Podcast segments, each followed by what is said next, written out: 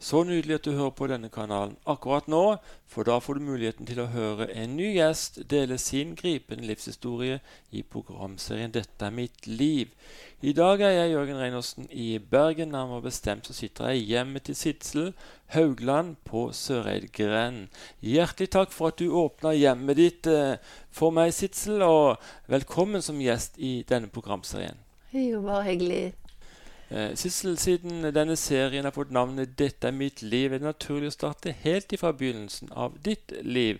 Kan du fortelle lytteren om du ble født og oppvokst? Ja, jeg er født på Askøy. Det er en øy like utenfor Bergen.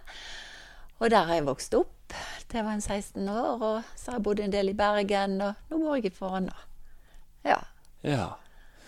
Du ble født eh, med grå stær. ja. Hvordan det påvirker deg opp igjennom? Nei, jeg har jo gått Jeg er jo ca. 93% blind, så eh, det blir jo ikke så mye jeg ser. Så jeg eh, kan godt gå forbi deg på gaten neste gang uten å hilse og ikke se at det er deg, da. Men jeg har litt hjelpemidler, så da blir det vel en 10-15 jeg ser. Så det, det er utrolig hva du kan venne deg til å, å, å leve med når du er nødt. Jeg vet ikke om noe annet, så det må gå. Hvordan preger det dårlige synet deg i barndommen? Det gikk vel egentlig veldig greit, for jeg tror ikke jeg helt forsto hvor dårlig jeg så i forhold til, eh, til eh, de, de som så normalt. da. Og jeg ble vel egentlig oppdratt på akkurat samme måten som mine søsken, som har helt normalt syn. Og alle venner og alt som min mor. Selv om sikkert frykten var der for at jeg skulle rase ned når jeg klatret i høye trær, akkurat som alle andre, og suste utfor skibakkene i like full fart som alle de andre, så var hun sikkert veldig redd, men hun sa aldri noen ting, og det er jeg veldig glad for. For da tenkte jeg at ja, ja, jeg må klare det, og jeg klarte det samme som de andre. Hvordan gikk det på skolen? Det gikk greit, men eh, det var jo fryktelig tungvint. Jeg måtte skifte på to par tjukke, svære briller av og på, av og på alt hva som sto på tavlen. Så måtte jeg gå frem, ta av de tjukke brillene som jeg brukte når jeg leste, og så var det å gå frem og lære alt utenat og, og gå ned igjen til pulten. For det var ikke hjelpemidler i den tiden der, annet enn noen tjukke klubber og noen briller. Så, men de reddet meg nå. Og karakterene det, Nei, de var helt topp. Ja. For ja, jeg var vel sikkert så sta jeg skulle klare det. Skulle. Men så forsto jeg jo heller ikke helt at eh, jeg så så mye dårligere enn de andre.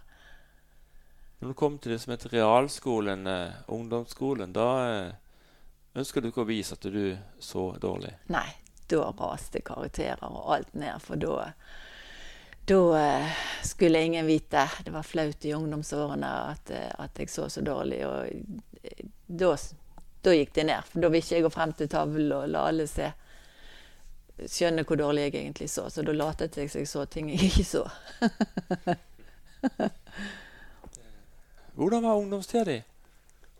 Jo da, den var jo grei nok, den. Altså, jeg har jo alltid hatt masse venner og masse alt sånt. Men eh, det er klart at du blir jo preget av, selvfølgelig, av å se så dårlig. Selvfølgelig. Men eh, jeg var vel egentlig skapsvaksynt, hvis det er noe som kan kalles det. For, eh, for ja, jeg skulle klare alt som alle andre klarer. Eneste fordel var at jeg ikke ikke at jeg så dårlig, det var gjerne det at eh, når alle andre røykte, så kunne jeg aldri se hvor askebegerne sto på bordet. Sånn at eh, fant jeg ut at istedenfor å dumme meg ut og ikke treffe askebegeret, så var det, lot jeg være å røyke. Så det har jo sikkert vært en fordel. Hva gjorde du etter grunnskolen? Nei, da var det realskole, og så den gangen gymnas. Så da tok jeg vanlig engelsklinjen på, på gymnas. Og så var det da videre på universitetet og Norsklærerakademi og naturmedisin, så masse. Ja. Du var en ivrig student. Ja da. Du traff din mann under studietiden. Ja. På eh, statsvitenskap, som det heter så fint. Der traff jeg han. For jeg, jeg kunne så lite politikk, syns jeg. Nesten ingenting. Og, og så tenkte jeg jeg får bare hive meg inn i løvens hule, holdt jeg på å si, og bare se om jeg kan få lære litt mer om den politiske situasjonen, om alt som foregår i samfunnet. Og der, da traff jeg han. Ja. Du må fortelle hvordan dere møtte hverandre. Ja, vi var i en sånn kollokviegruppe på universitetet.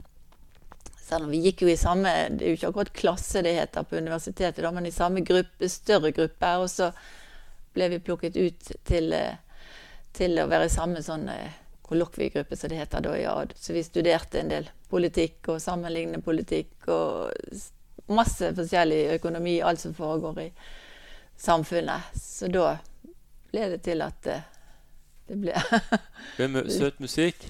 Ja. herlig, herlig. Ja, og så, eh, som du nevnte, så var du også eh, på, innom eh, naturmedisin, og da var du i Sverige? Ja, i Göteborg. Der tok jeg en eh, treårs. Men da reiste jeg frem og tilbake fra Bergen. Og vi hadde sånn ja, ca. ti-tolv dager to-tre ganger for halvåret. Og vi reiste bort og tok eksamen der. Så vi hadde veldig masse skolemedisin. Så jeg har jo en grunnutdannelse i skolemedisin, da, også naturmedisin, da. Så ja, det var, det var jo spennende. Det var det jo. Ja, Hvordan oppsto den interessen for naturmedisin? Det var vel fordi at jeg egentlig vokste opp i nærheten av et naturmedisinsk senter som heter Helseheimen i Bergen. Så han Høynes, som han het den gangen, han eh, ble min far veldig inspirert av. Så jeg er oppvokst med urter, og, og til og med katten fikk urter. og, og, så det var vel sånn jeg ble tent. Så min far arvet alle bøkene fra, fra denne Høynes når han døde, da. Eller en god del av bøkene. Og, og så var det da en leieboer der som jeg bodde i Bergen sentrum, som begynte å dra meg med på forskjellige ting innen det alternativet, da. Så det var vel sånn det begynte. Du eh, var en behandler da innen naturmedisin i elleve år. Hva kan du fortelle fra den tida? Ja, det var jo mye som skjedde. Egentlig mye eh, sterke ting òg, egentlig, som eh, de fikk fikk jo på en måte hjelp, men ofte så kunne sykdommen bli forskjøvet fra et sted i kroppen til et annet sted de kunne gjerne bli frisk på den ene måten, men, men det angrep gjerne andre ting. Så jeg kunne jo overføre en veldig sånn kraft til mennesker som jeg ikke visste hvor jeg hentet fra. Som jeg ikke vil drive med nå, for det er usikkert hvor den kraften kom fra. Og så, så det ble egentlig flere litt sånn uforklarlige hendelser som skjedde, og jeg syntes at det var best å bare jeg sa til Gud hele tiden hvis det er galt det jeg driver med, så får du ta det vekk. Men jeg, jeg ja, jeg, Det skjedde etter en del år da at han la vekk mye av det jeg hadde utdannet meg til. Du ga din datter homeopatiske medisiner, og, ja. og da begynte ting å skje? Ja. Altså, ingen vet sikkert hva egentlig som skjedde, men hun fikk to forferdelige hjernehinnebetennelser. Og hvorfor, vi vet ikke, men, men uh, jeg er i hvert fall blitt veldig redd, for hun begynte å få masse mareritt og masse drømmer. masse Eh, Hun ble redd altså når hun fikk de medisinene, fordi det skjedde så mye i psyken som ikke hadde vært der fra før, som ikke kan bortforklares. Så jeg, jeg eh, skjønte etter hvert at her var det ting som ikke kanskje stemte helt med den Ja, det var Hun kunne stå krefter bak som ikke vi hadde helt kontroll på. Men hun ble skikkelig dårlig? Ja, hun fikk to ganger grusom alvorlig hjerne, hjernehinnebetennelse med noe som heter pneumokokker. Det er en lunge, lungebetennelsesbakterie som de døde av ja, veldig stor prosent tidligere. Og når det da går til hjernen, så, så hun var faktisk fem døgn i koma.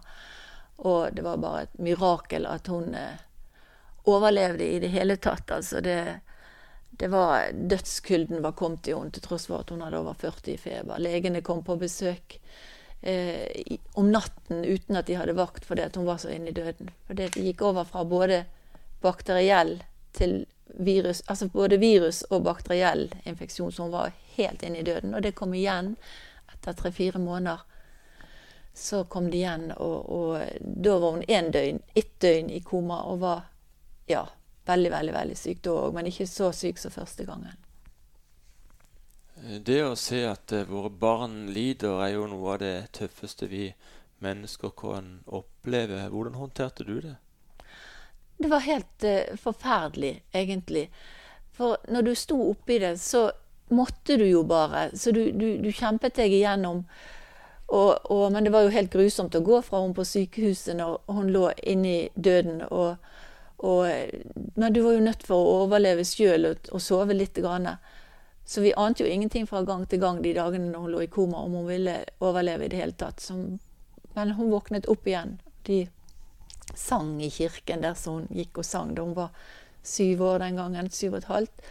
De sang så fra menighetshuset der så vi, vi gikk, og så vi skulle liksom høre det helt opp til Haukeland sykehus, og det er vel en halv mil derifra, og, og, og ba for henne, og masse folk som ba for henne i den tiden der. Så så eh, hun våknet opp igjen etter som sagt da, fem døgn. Da var det bitte litt liv som begynte å bevege seg på øyelokk, et øyelokk.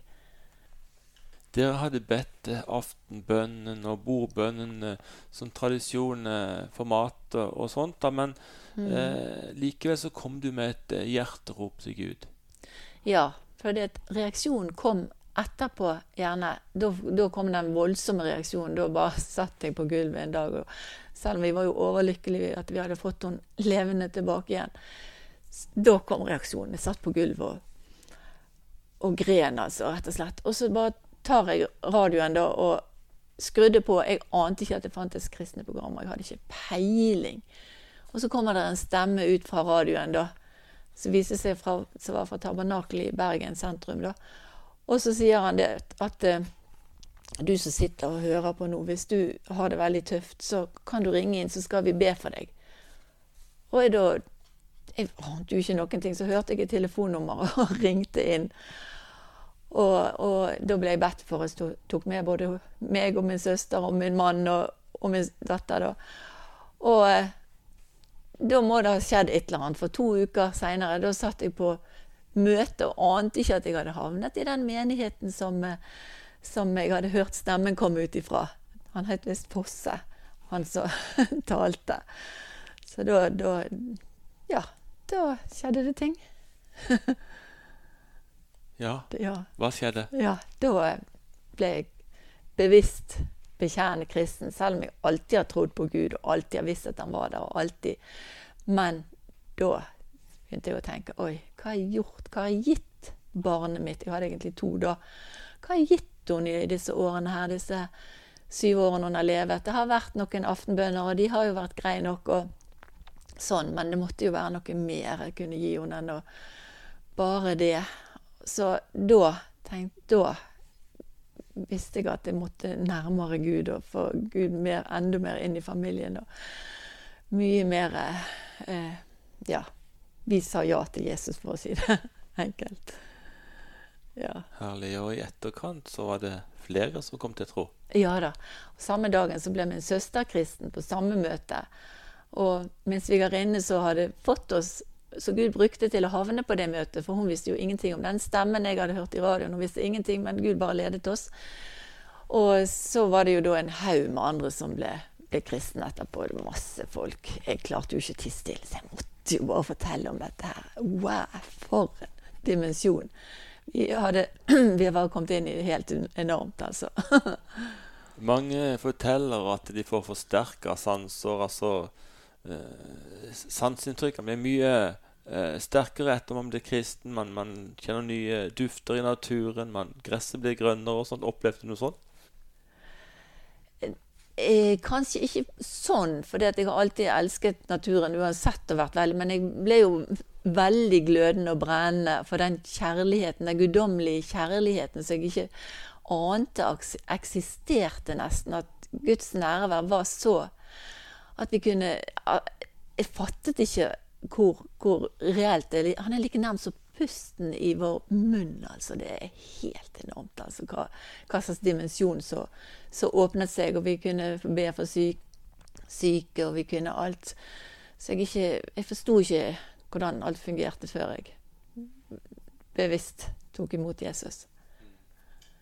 Kjære lytter, du hører på programserien Dette er mitt liv. Mitt navn er Jørgen Reinersen. I dag besøker jeg Sidsel Haugland eh, i hennes hjem i Bergen her. Og det er jo vidunderlig nydelig her som du bor, da, med utsikt utover et uh, sjøen, er det ikke det?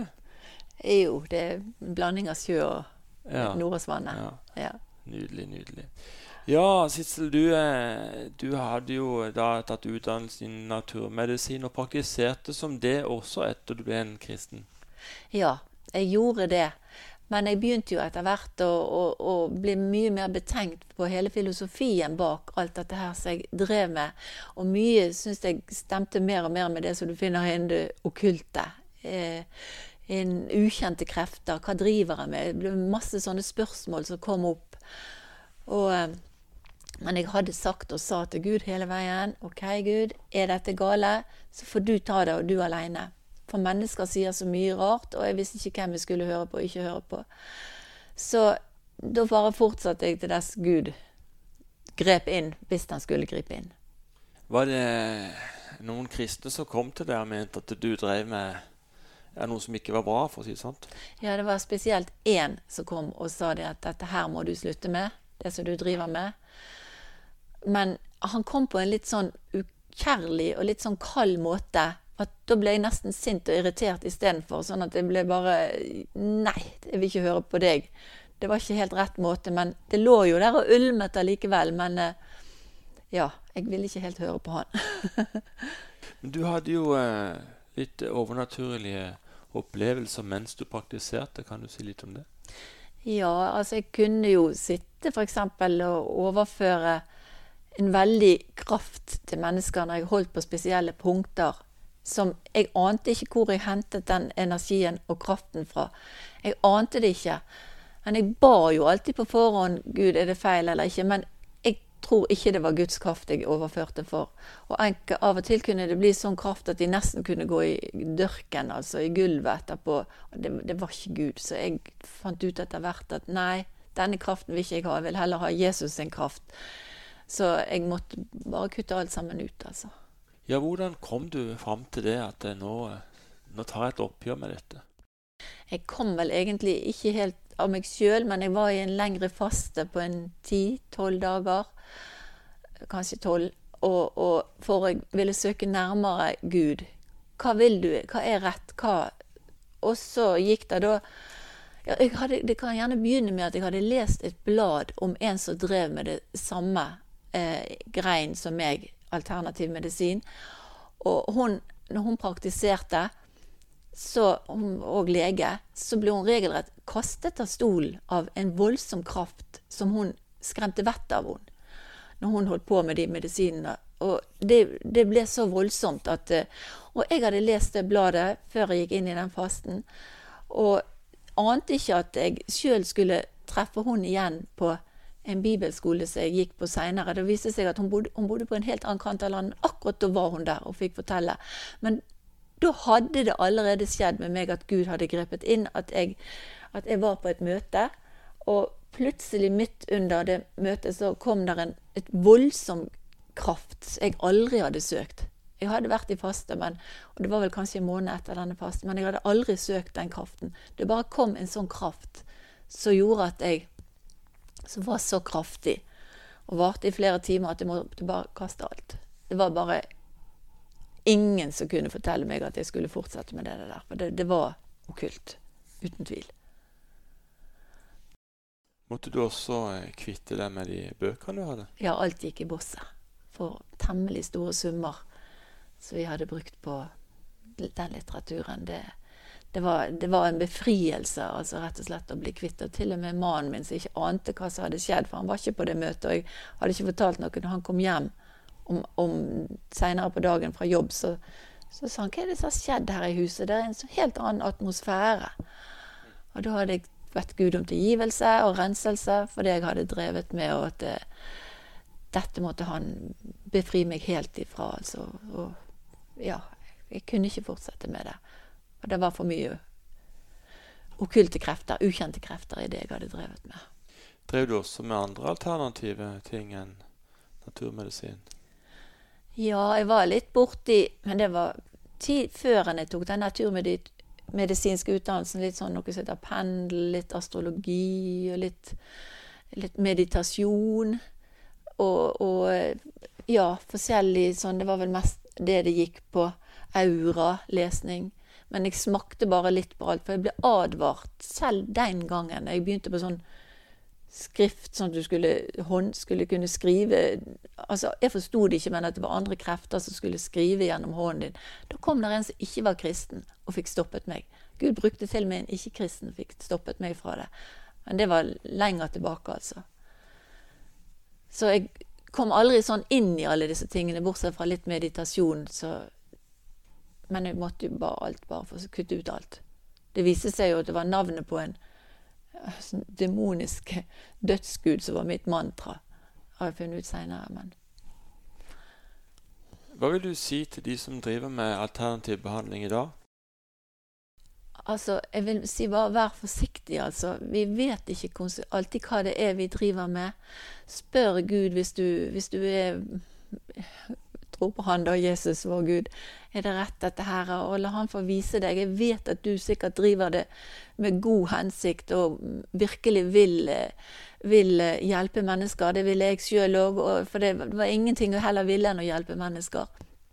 Men dessverre så hadde jeg gått inn i en feil, et blindspor og ber Gud vise deg om det er rett, det du driver med. For uh, han, er, han er større enn alt. Det er bare Jesus sin kraft som i hvert fall jeg vil drive med. Så prøv. Prøv ånden om de er av Gud. Hvis du er der. Altså de kreftene som står bak. Det er sikkert en del lyttere også som er under slik behandling. Hva vil du si til de?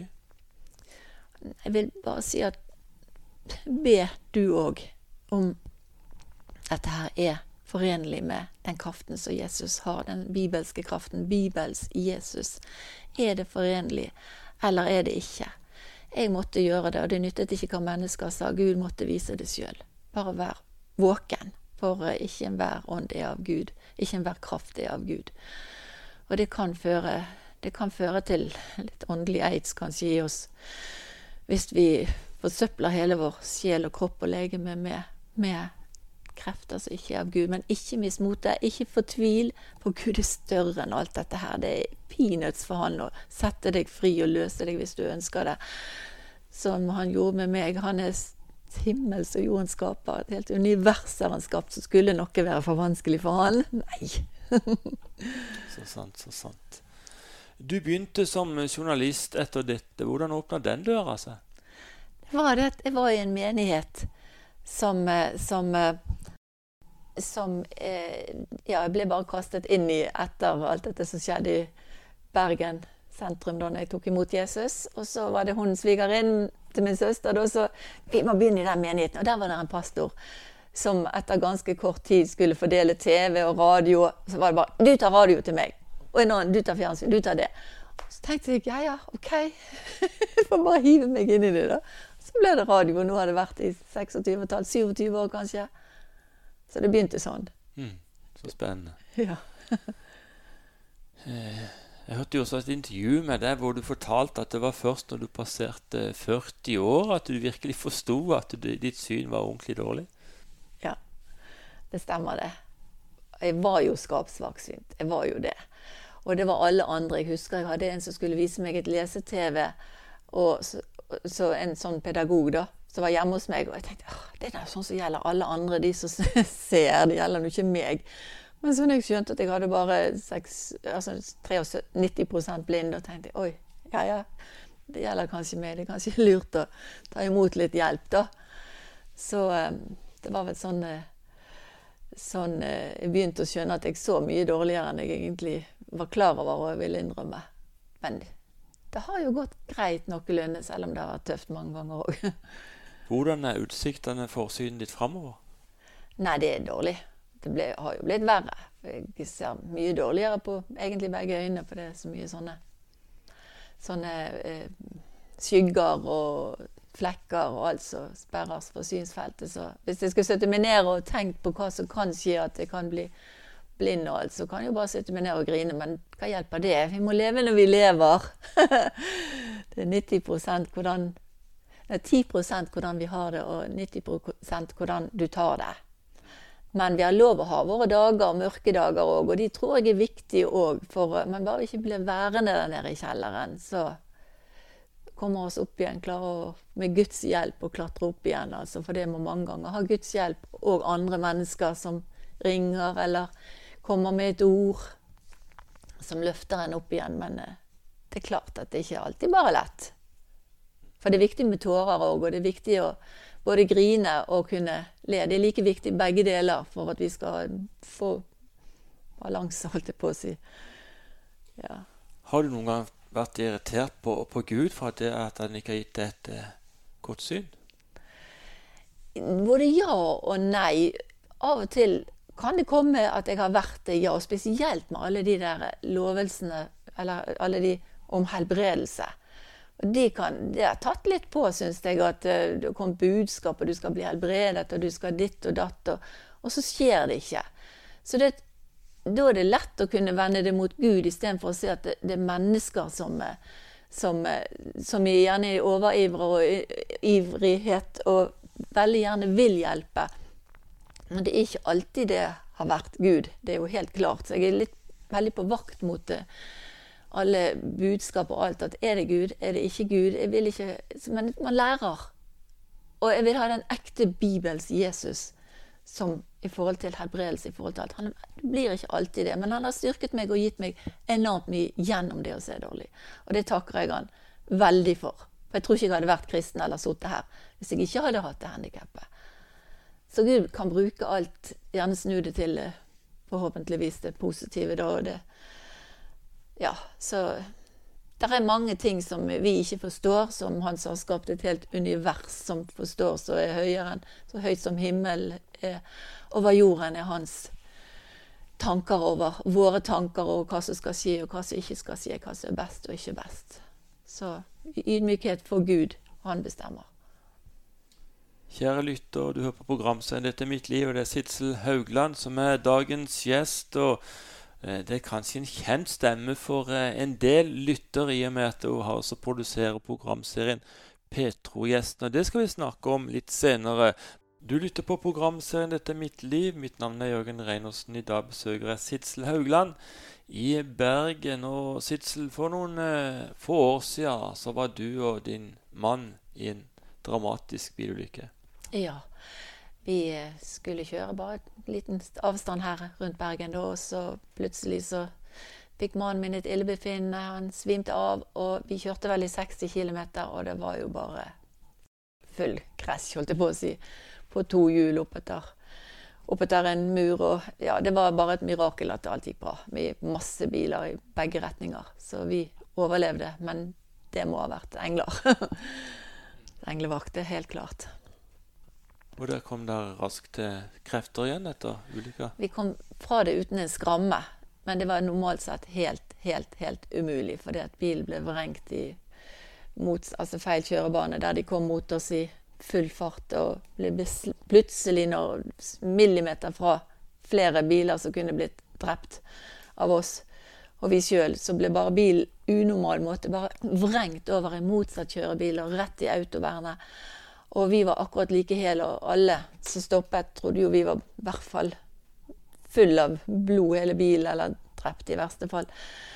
Men der satt vi like hele, og, og, og eh, alle som vi snakket med, sa dere må ha et englevakt, for dette går ikke an. Så vår tid var ikke kommet. Og, så det var, det var, et mirakel at vi Og bilen var helt eh, vrak. Ødelagt. Så eh, da får du litt mer setter mer, mer, pris på livet. Så vi havnet på, på sykehuset, mannen min, for å ta en sjekk i forhold til om det var hjerte eller hva det var. Og da var jeg med. Og vi ble sittende på Haukeland sykehus hele dagen til seint på kvelden fra tidlig om formiddagen. da, og og jeg hadde store problemer med øynene. Og fordi jeg hadde ikke linsene De kunne ikke skifte av med kontaktlinsene fordi jeg brukte briller eh, hjemme. Og hadde ikke Alt det lå i den ødelagte bilen og var full av betennelse når jeg kom hjem. Og så seint på kvelden, han var igjen på sykehuset, og så ba jeg til Gud da kom reaksjonen. Og jeg hadde gått og lagt meg og kjent og ba Gud Gud, hva er dette for noe? Hva er det som skjer? Jeg vet vi må ha et englevakt. Og så tok jeg Jeg kunne ikke åpne øynene, for jeg var så full av betennelse. Så tok jeg under sengen, for der sto alle CD-ene til radioen som jeg brukte den tiden. Og det var sikkert 200 CD-er. Og tok i blinde opp en CD og satt oppi en kassettspiller som sto på nattbordet rett ved siden av meg. Og ante ikke hva jeg hadde satt det på, for jeg måtte ha en avreagering med musikk. Og da kom det 'Glem ikke bort at englene fins', at de er her for å se hvor du har det'. Og hele den sangen ljomte ut der jeg lå alene i mørket, full av betennelse på øynene, begge øynene.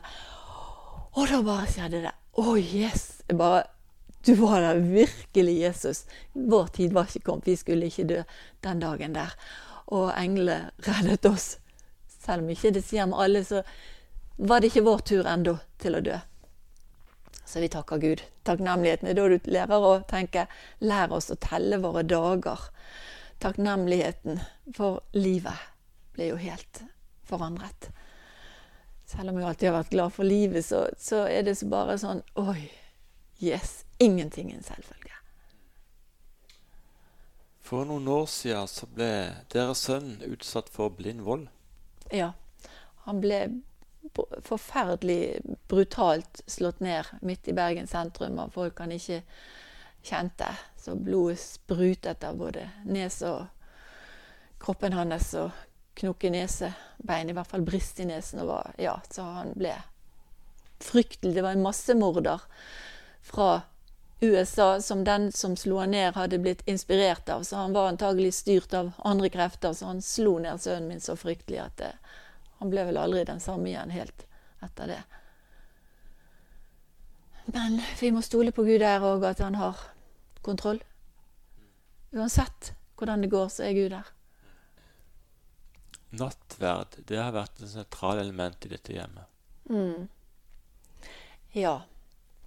Det begynte faktisk eh, for fem, over 25 år siden med en som, eh, som, ringte til meg fra etter et innlegg som sto om min befrielse, eller da jeg sluttet med naturmedisin, så ringte der en dame fra Sørlandet som var veldig, veldig interessert i dette her, som sto i dagen, som sagt. da. Og hun, hun, eh, hun, hadde slet veldig mye sjøl, og jeg tenkte oi, jeg var livende redd nå. hun ringte og tenkte oi, er det en som skal, skal, kritisere meg veldig nå? Hva er det for noe? Men hun var veldig åpen for Gud og var egentlig kristen sjøl da. Og jeg ville jeg skulle be for henne og alt mulig sånt. Og jeg begynte å be for henne og alt. Men så tenkte jeg nei, jeg, jeg, jeg skal be. Men det må være noe mer, Gud. Du må hjelpe meg. Og da kom det så veldig sterkt at begynn med nadverd med henne. Og jeg trodde vi skulle ta det på hver sin kant av landet, da. I hvert fall begynte vi da. Og har vi holdt på nå i ca. 25 år. Ja, og det har vært helt fantastisk. Når vi har vært helt nede begge to. Vi kan ha vært knust. Vi kan ha vært, livet har vært beintøft for oss begge to opp igjennom i mange år. Så nadverd. Å, det har vært så fantastisk. Vi har blitt så løftet opp igjen. Altså, vi Ingen skal fortelle meg denne, på denne jordkloden at ikke det har vært Gud som, som har virkelig vært med oss. Altså. Så vi har blitt så styrket. Og vi holder på med det den dag i dag, senest i går foregårs. Vi sitter gjerne en hel gjeng og har nadverd, så det, det er bare helt Ja. så nydelig. Ja. Vi må snakke litt om ditt engasjement i eh, Petro. Du har et eh, program som heter Petro-gjesten. Ja. Hvordan eh, ble den serien til?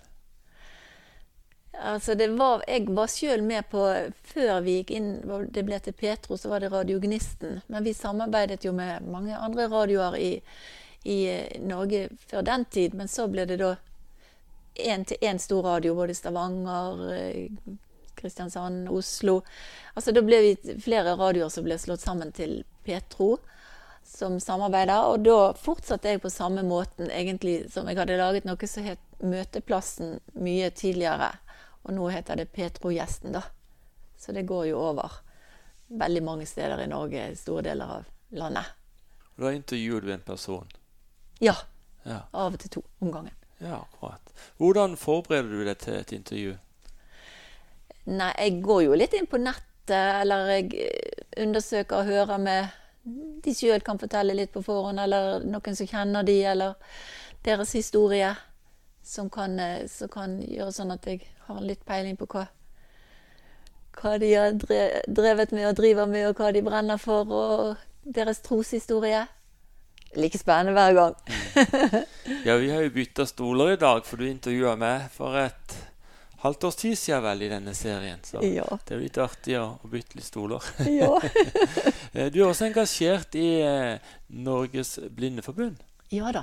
Jeg holder kurs og foredrag der i, i eh, Det har jeg holdt på med sikkert siden før 2000. Veldig mange, veldig, veldig mange år. Så da blir det kurs, livsstilskurs, helse for kropp, sjel og syke. Så jeg har ikke kastet vekk alt jeg har drevet med, men alt det som jeg opplevde var okkult, det er det jeg har tatt vekk. Men urter og øh, vitaminer, mineraler, ting som er viktig i forhold til psyken, placebo, nocebo, masse sånne ting, det, det er jo like Det er jo Guds skaperverk, urter f.eks. Så det er jo klart at det, det må jeg bruke. Kostholdsråd, masse sånt. så kjempespennende. Vi nærmer oss dessverre slutten av dette programmet, Sitsel. Har du lyst til å komme med en hilsen til lytterne?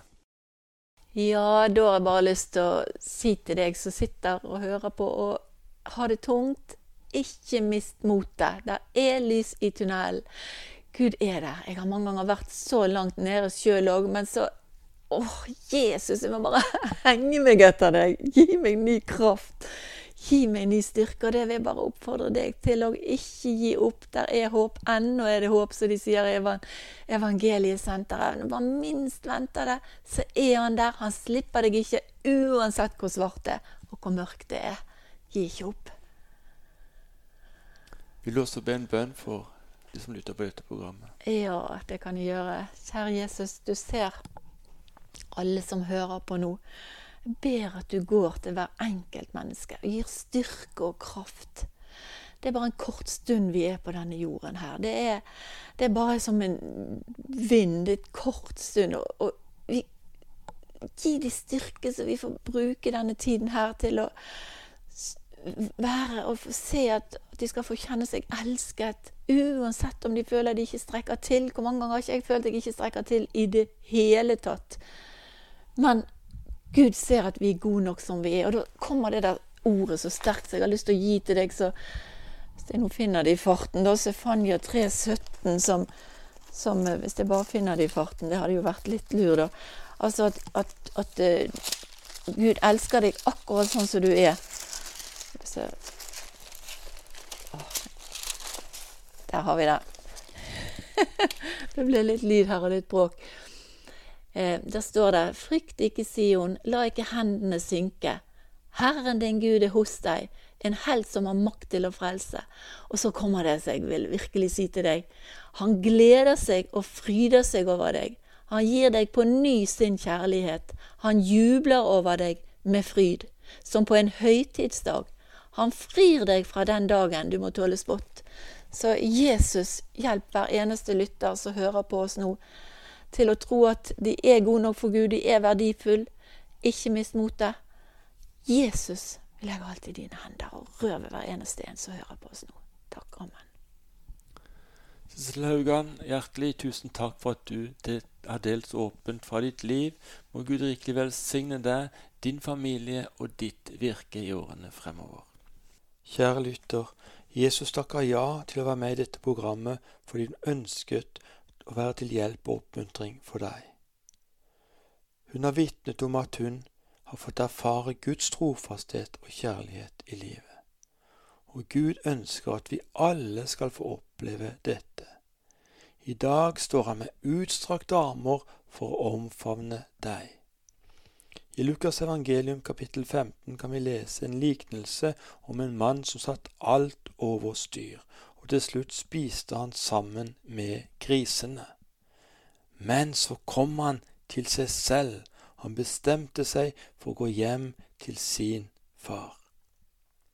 Mens han ennå var langt borte, så hans far han, og faren sprang han i møte, omfavnet han og kysset ham. Slik er Gud, kjære venn. Det er fantastisk når mennesker kommer til seg selv, erkjenner de faktiske forholdene og omvender seg. Og så er det avgjørende at vi går til vår himmelske Far. Gud sendte sin egen sønn, Jesus Kristus, til verden for å dø for alle menneskers synder og for å frelse oss. Vi hadde ikke fortjent at Jesus skulle død for oss, men Gud som er så rik på kjærlighet, gjorde dette for deg og for meg. På denne måten fikk vi en mulighet til å bli frelst og fri og reddet fra fortapelsen. Dette er nåde, kjære venner. Nåde betyr ufortjent gunst, ufortjent velsignelse, en gave man får gratis. Vil du i dag motta denne gaven som frelsen er, kan du be denne bønnen etter meg. Jesus, jeg kommer til deg nå slik som jeg er. Tilgi meg for mine synder. Jeg tar imot deg som min Herre og Frelser i livet. Takk at jeg nå er ditt barn, Gud. Om du ba denne bønnen, kontakt veldig gjerne meg, Jørgen Reinersen, på Facebook, slik at vi kan sende en gratis bokpakke til din postkasse. Om ønskelig setter vi deg i kontakt med en menighet der hvor du bor. Det er viktig å bli med i et fellesskap. La meg lese noen vers fra Bibelen før vi ber en bønn sammen. Salme 147 vers 3. Han helbreder dem som har et sønderknust hjerte og forbinder deres smertefulle sår. Romerbrevet kapittel 8 vers 1. Så er det da ingen fordømmelse for dem som er i Kristus Jesus. Josva 1 vers 5. Jeg slipper deg ikke og svikter deg ikke. Salme 5 vers 12 og 13. Men alle som søker tilflukt hos deg, skal glede seg. Alltid skal de juble. Du verner dem. De fryder seg i deg, de som elsker ditt navn. For du, Herre, velsigner den rettferdige, du dekker ham med nåde som skjold. La oss be sammen. Kjære Gud, vi kommer til deg i Jesu navn. Takk at ditt ord er sant, og ditt ord er virkekraftig. Takk at ditt ord står fast gjennom alle tider. Herre, du kjenner den enkelte som akkurat nå hører på dette programmet. Du ser utfordringer og vanskeligheter. Du vet om sykdommer og plager. Takk, Herre, at du i dag rekker ut din hånd og helbreder mennesker fra fysiske og psykiske sykdommer. Ja, vi ber om det, Herre, og vi takker deg for det. Du ser dem som sliter. Du ser dem som har mistet en av sine kjære. Takk at du kommer med trøst og oppmuntring i en svært vanskelig tid. Du ser dem som er engstelige og redde, Herre. Takk at du fyller dem med din fred og din harmoni. Takk at du kommer med nytt mot og nye krefter til de som er motløse. Ja, Herre, du kjenner oss alle sammen, du vet om alt.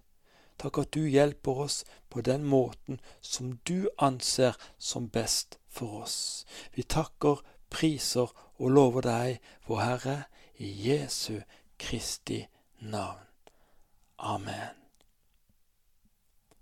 Håper vi høres igjen neste uke, kjære lytter. Da kan du bli kjent med en ny gjest som deler sin unike livshistorie. Inviter veldig gjerne noen på kopp kaffe til den anledningen. Det kan bli mange gode og viktige samtaler etter disse programmene. Og følg meg, Jørgen Reinersen, på Facebook, eller enda bedre, legg meg til som er veldig hyggelig å bli kjent med våre lyttere. Husk, kjære lytter, du er høyt elsket, du er unik. Det finnes bare én som deg. Vi takker for i dag og ønsker deg det beste av alt Guds velsignelse.